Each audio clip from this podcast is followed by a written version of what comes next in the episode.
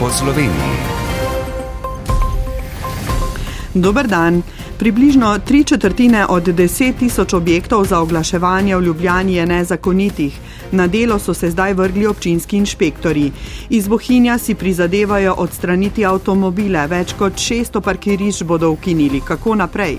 Na premiku zeleno se pripravljajo tudi v Fiesi, prenovo Fiese naj bi zasnovali v sodelovanju s krajani, obljubljajo. V Loški dolini se ne morejo več priključevati na čistilno napravo, ker je preobremenjena, v delu Maribora pa jim je uspelo s protesti preprečiti graditev kanalizacije. Kako naj se znajdejo podjetniki v postojni, ki želijo graditi, a prostora za nje ni? Kako pomembna za utrip življenja v lokalnih skupnostih je ljubiteljska dejavnost, boste slišali ob koncu oddaje, ko bomo obiskali kulturnike na Senovem. Danes sem z vami Metka Pirc. Potem, ko so se na mestni občini Ljubljana zaradi neurejenega stanja v oglaševanju več let trudili za prenos pristojnosti nadzora oglaševanja z državnih na občinske inšpekcije, je julija lani začela veljati uredba o razvrščanju objektov, ki je pristojnost nadzora nad vsemi objekti za oglaševanje prenesla na občinske inšpekcije. Z letošnjim januarjem so na ljubljanski občini tako začeli sistematično nadzirati oglaševanje. Peter Močnik je preveril, kako nadzor poteka in koliko postopkov za odstranitev objektov je bilo že uvedenih. V Ljubljani naj bi stalo približno 10 tisoč objektov za oglaševanje. Koliko od teh je postavljenih nelegalno, je po besedah Barbare Brle, vodje mestnega inšpektorata, v prvi fazi popisa še težko reči. Ocenjuje pa se, da približno tri četrtine vseh. Predmet nadzora so tako veliki oglaševalski objekti, kot tudi objekti za lasno oglaševanje. Po dveh mesecih popisa sta bila popisana 1102 objekta. Od tega je bilo do konca meseca februarja odstranjenih 101 objekt. V postopkih od 1102 popisanih objektov je trenutno 71 odstotkov teh popisanih objektov, za ostale še tečejo preverbe. Od teh 71 odstotkov je bila za 64 objektov že izdana ureditvena odločba, za 97 objektov je bil izdan sklep o ustavitvi postopka, za 14 pa postopka ne bodo sprožili. Sklep o ustavitvi postopka, mogoče bi sem dodatno pojasnila, da gre tukaj, da ali uh, oglaševalci objekt legalizirajo ali pa da je objekt odstranjen. In tukaj v bistvu za teh 97 objektov je bilo večina odstranjenih.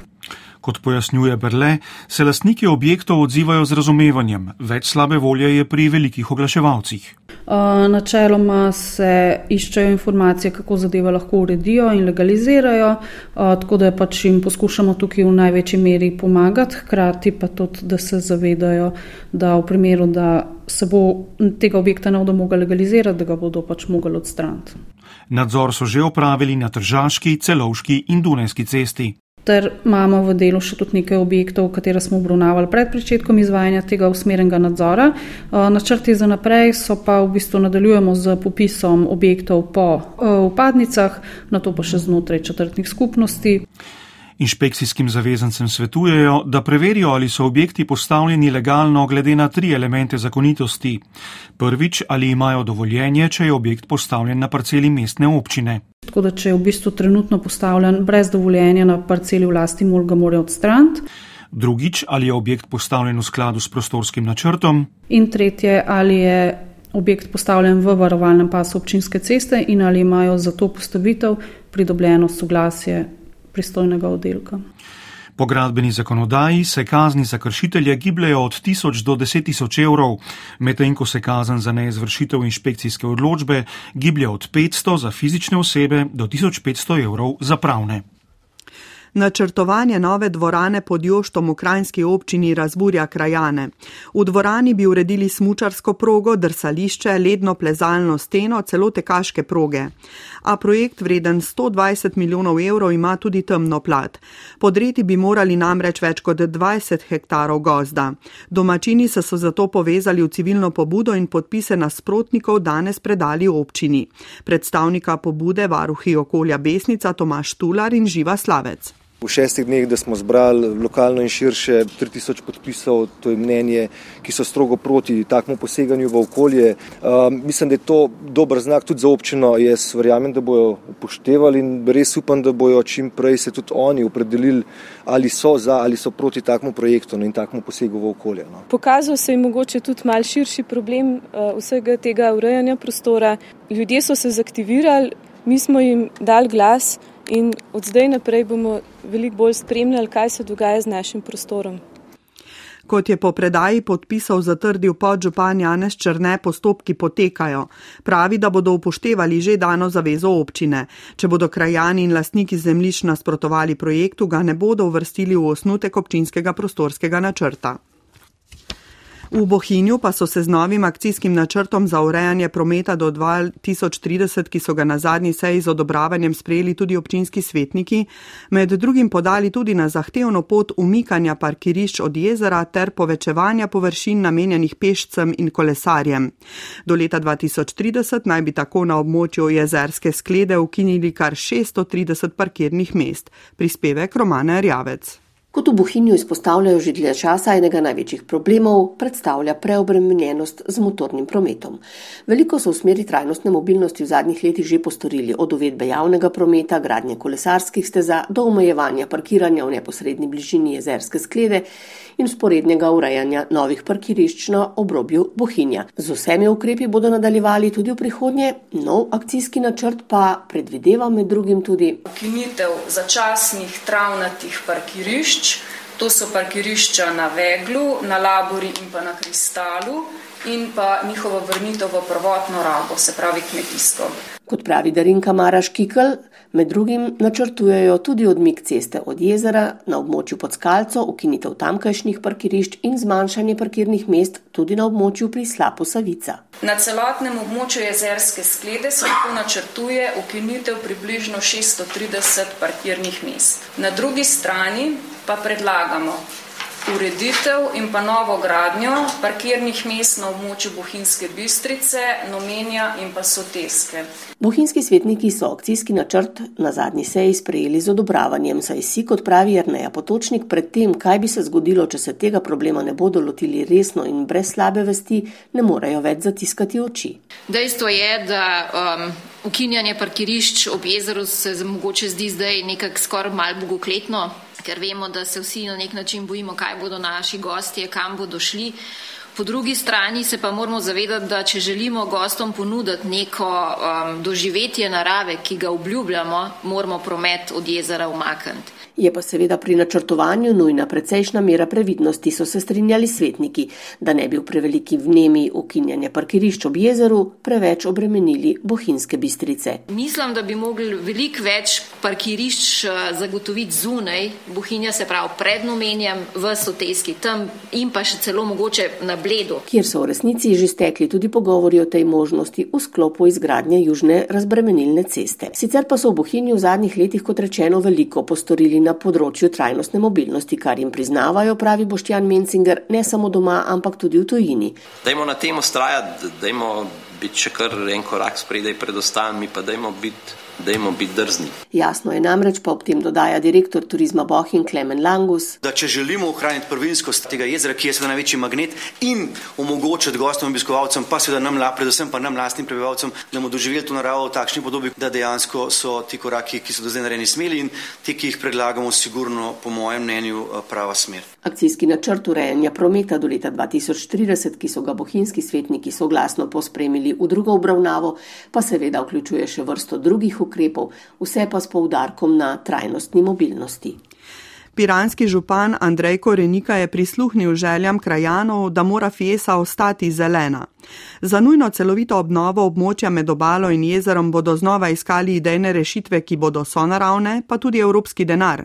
In tokrat bodo prenovljeno podobo Fiese zasnovali v tesnem sodelovanju s krajani. Javno podjetje Okolje ima za ureditev Fiese že pridobljeno gradbeno dovoljenje. Predvidena je bila v načrtu naložb za letos in prihodnje leto, vendar so jo iz predloga proračuna, ki ga bodo občinski svetniki potrjevali na jutrišnji seji, umaknili. Več o prenovi Fiese pa Lea Širok. Zdajšnja idejna zasnova prenove Fiesa med drugim predvideva betoniranje priobalne promenade, na delu travnika pa bi nasuli pas rečnega proda s površinami za ležanje in klopmi. To ni skladno željami krajanov, ki so na osnutek te zasnove tudi podali pripombe. Davorin Petaros iz Piranske civilne inicijative in občinski svetnik GZOP podarja, da mora Fiesa ostati zelena. Mi si želimo, da Fiesa ostane travnik. S tem projektom pa se je grobo poseglo tudi v tisti del, ki je sedaj trava in to je nespremljivo. Zauzemajo se za uvrstitev Fiese v UNESCO program Človek in biosfera in tam, kjer je to mogoče, za prepoved pozidave hoteli bi enostavno ustaviti to, ker namreč, če pogledamo Fieso iz zraka, vidimo, da se premika vzidava tako iz eh, strunjanske strani, z belokriške strani, kot iz piranske strani. Župan Andrej Korenika je po prvem branju proračuna pojasnil, da bodo prenovo Fiese, ki tudi po njegovem ni najbolj zastavljena, zdaj najprej uskladili s krajani in na to pridobili novo gradbeno dovoljenje. S katerim bomo pol kasneje skušali kandidirati za evropske sredstva sredstva, ampak moramo najprej to uskladiti, bom rekel, s prebivalci, s krajani, s civilno inicijativo in tako dalje, da ne bo šlo v neko pozidavo fjese. Občinski svetniki bodo na jutrišnji seji, kot rečeno, odločali o letošnjem proračunu. Poleg tega pa tudi o sklepu za črtanje obvezne razlage 8. člena pravilnika za izvajanje sanacijskega načrta mesta Piran. Če bo sklep potrjen, bo to pomemben korak k preprečevanju razraščanja tudi nelegalnih nadgraden in prizitkov v starem piranskem jedru. Kaj naj pričakujejo krajani v delu Maribora, ki jim je uspelo s protesti preprečiti graditev kanalizacije, boste slišali v nadaljevanju oddaje. V Loški dolini pa zaradi preobremenjenosti čistilne naprave iščejo nove rešitve. Postojnski podjetniki bi gradili, a nimajo prostora. Ob koncu gremo še med ljubiteljske gledališčnike na Senovo. Potem, ko na njihove pozive ni bilo pričakovanega občinskega odgovora, je del prebivalcev naselja Trčova v Mariborski krajovni skupnosti Malečni Kruperče pretekli teden s protestom preprečil nadaljevanje graditve kanalizacijskega omrežja. Dela se zdaj nadaljujejo, občina in prebivalci pa so se pogovarjali o razrešitvi nastalega položaja. Bratko Zavrnik. Čeprav bo večina gospodinstev na novo kanalizacijo priključena z gravitacijskim priključkom, pa bi si morala okoli 40 hiš zagotoviti precej dražji priključek s črpalko, ki bi po njihovih izračunih stal okoli 7000 evrov. Gravitacijskih priključkov tam za zdaj ne morejo graditi zaradi neurejenega lastništva zemljišča, ki bi to omogočilo, pojasnjuje podžupan samo Peter Medved.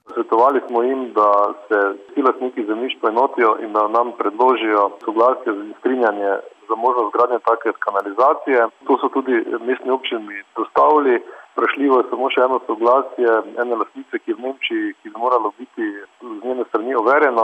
Odbor krajanov, ki je z gospod v stikih, to pričakuje še ta teden. O njihovih zahtevah pa podžupan. Mestna občina Maribor bo pripravila drugo rešitev. V tem delu bo tudi gradnja nove kolesarske poti. Želimo si, da bi obe investiciji peljali sočasno. V vsakem primeru tista druga varianta, ki je za te krajane bolj ugodna, bo časovno nekoliko oddaljena. To, kar se pa danes zgradi, pa je potrebno zgraditi za ostale krajane malečnika pa tudi za njih, na katere se bo ta nova kanalizacija priključila. Tako pa vodja odbora krajanov in član sveta krajovne skupnosti Andrej Stramlič. In če to dosežemo, se pravi, da se mestna občina vse to obveže, potem nimamo več dobene dileme in pač bomo počakali, ko bo mestna občina Maribor v stanju to sfinancirati. Svet krajovne skupnosti pa bo uradno izjavo dal po prejemu zapisnika sestanka. Eden večjih projektov v Loški dolini v tem mandatu bo nadgradnja čistilne naprave v starem trgu, ki zdaj svojo zmogljivostjo dovoljuje priklop le 1950 prebivalcem. A ta je bila že pred dvema letoma obremenjena z več kot 3200 uporabniki, zato je inšpekcija nadaljne postopke prepovedala. Prispevek Marka Škrlja. Nadgradnja čistilne naprave bo morala omogočiti priklop do 5000 uporabnikom, pravi župan Loške doline Matjažan Tončič. To zajema kompletno rekonstrukcijo, povečanje eh, čistilne bazenov, vse ostale tehnologije, zraven tudi eh, je potrebno narediti zadrževalne bazene. Eh, v ta namen bo treba tudi odkupiti dodatno zemlišče. Projekt je v celoti ocenjen kar na 3,2 milijona evrov. To je sicer grobo ocenjena vrednost, zdaj kakšno bo bomo vedeli šele takrat, ko bo javno naročilo oziroma javni razpis zunaj, ko se bojo pač prišle ponudbe za samo izvedbo, ampak to je neka ocenjena vrednost na, na trenutno dogajanje na tem uh, področju. Glede na to, da imajo v občinskem proračunu za vse naložbe namenjenih do 1,4 milijona evrov na leto. Brez uh, kredita ne bo šlo, zdaj tle jaz uh, tudi računam na neka kohezijska sredstva oziroma iz uh, regijskega sklada. Bo pa treba tle se dogovoriti, v kakšni meri, kaj in kako, ker ta zadeva je regijsko pomembna, to je pač iz tukaj grejo vode v Ljubljano, v Ljubljanco. V tem okvirju čakajo štiri vasi že šest let za priklop na to kanalizacijsko mreže. Poleg tega pa za tem stoji tudi inšpekcijska odložba, ki pač uh, omenja to, da moramo do konca leta 2024 urediti tercijarno čiščenje na tej uh, čistilni napravi, tako da tukaj smo malo stisnjeni v kot. Gre namreč za projekt, ki ga morajo izvesti, zato na občini pričakujejo, da jim bo na pomoč priskočila tudi država, še dodaja župan Antončič. V postojni povpraševanje podjetnikov po parcelah za industrijsko graditev ter po objektih za skladišča in proizvodne dvorane močno presega ponudbo. V prihodnosti bosta sicer veliki proizvodni dvorani nastali na območju prestranka, zgradili jo bosta podjetji Typhoon in Fluidmeister, ena pa v industrijski coni Veliki otok. Malo naj bi se povečala še industrijska cona na Rauber komandi, kjer deluje sedem malih podjetij, vendar pa parcel, na kateri bi gradili obrtniki, enostavno ni. Več Sabrina Mulec. Postojna vse bolj postaja spalno naselje za mlade družine, ki se zaradi ugodnejših cen stanovanj tja doseljujejo iz Ljubljane in obale. Ogromno ljudi pa se s trebuhom za kruhom vsak dan vozi v večja središča. Na tem območju prevladujejo podjetja z delovno intenzivnimi panogami, kar se odraža tudi v razvitosti regije, ki caplja na repu slovenskega povprečja. Obrtniki bi sicer radi gradili, vendar nimajo kje, pravi nepremičninski posrednik Boris Kaluža. Teh objektov enostavno ni, ni tudi neke razvojne politike oziroma področji, kjer bi se lahko razvila kakšna večja industrijska cona. Zdaj ni nujno cona, kjer bi delali škodljive dejavnosti, ampak bom rekel moderna, moderna tehnologija, skladiščenje in tako naprej. Ne. Kaj pa obstoječe cone? Katere obstoječe cone? Se jih ni, dejansko je cona Liv, ki je zasedena. Zdaj v prestranku je še nekaj odprtega, ampak tam je večja tovarna od Javorja, ki je tudi cena, ne vem, 3 milijone pa pol, ki jo ne delijo, se pravi vsi manjši privatniki, obrtniki in taki, ki bi rasli, tega si ne morejo prvoščiti oziroma ne morejo kupiti. Cona v velikem otoku je praktično polna, dodaja. Zdaj se bojo na unih dveh parcelah, ki so bile prodane, delale hale, ki bojo potem razdeljene na 200 kvadratne enote, ki se bojo dale v najem imamo praktično že, že zasedeno oziroma preseženo kapaciteto. Župan Igor Marentič pojasnjuje, da na temo industrijskih con že dolgo razmišljajo in da so v prostorskem načrtu predvideli tudi širitev industrijske cone na prestranku, raztezala naj bi se na drugo stran ob že obstoječe, proti pivki. Sicer nekje v 60 eh, tisočih kvadratnih metrih vendar so bile že prvi odzivi s strani soglasodajalcev negativni, območje medveda, območje ptičkov, eh, preblizu Nature 2000. Zato smo izuzeli to pobudo, ker smo videli, da na ta način bomo lahko samo zavirali ostale pobude, ker se seveda spremljajo v paketu. Imamo novo območje v, v mislih, kjer bomo z naslednjim OPN-jem spet vložili pobudo za spremembo namennosti zemljišča, vendar dobivamo odgovore na nivoju češ Župan si ne rabi vsaka občina industrijske cone, vi imate turizem. Spreminjanje namembnosti kmetijskih zemljišč za zidalna, tako Marentič, pa je danes misija nemogoče. Po Sloveniji. Ljubiteljsko gledališče Delavsko-kulturnega društva Svoboda se novo letos praznuje 100 let delovanja. V tem obdobju so odigrali več kot 110 različnih predstav brez uštetih ponovitev. Pretekli konec tedna pa so jubilej zaznamovali z dvodnevno prireditvijo v kulturnem domu Krško. Ob tem pripravljajo novo predstavo in težko čakajo dokončanje obnove svojega kulturnega doma na Senovem. Več Suzana Vahtarič.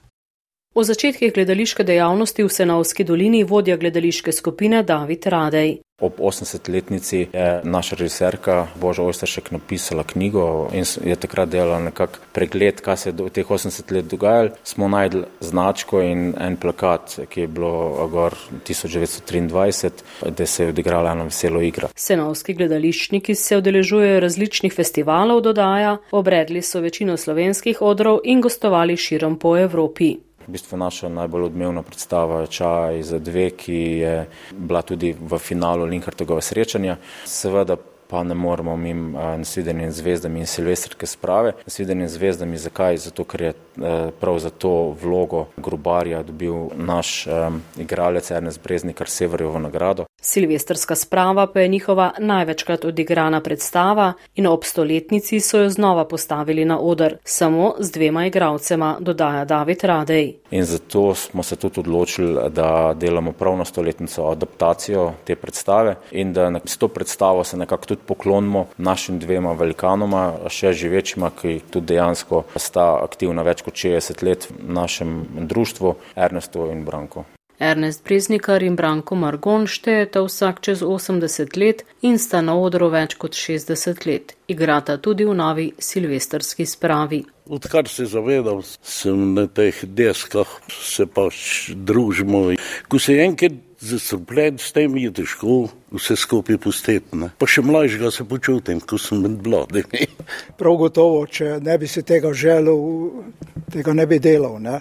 Pač vsak človek ima neki hobi. Partličevo silvestrsko spravo je priredil in režiral Rok Sanda. Ker ta konflikt je res že zelo, zelo za nami, za večino ljudi in na nek način pol tudi ona dva to skozi ta njun konflikt prikazuje, tako sta v bistvu ujeta v enem drugem času. Gledališčniki Dekade Svoboda se novo pripravljajo že novo predstavo. Prav tako Partličevo, čistilka Marija se poroči, kjer bo na odru več kot 30 igralcev. Ljubiteljska ali poklicna nič ne de, pomembno je, da kulturo znamo ceniti, saj je pomemben del naše biti. Še posebno, ko nam nastavijo gledalo in lahko na svoja lastna doživetja pogledamo z humorne strani. Želimo vam prijetno popovdne, morda tudi v družbi naših podkastov, kamor se čez nekaj trenutkov seli naša oddaja. Nasvidenje. Poslušali ste oddajo po Sloveniji, urednik Dušan Milič, voditeljica Metka Pirc tonski mojster Marko Čebula.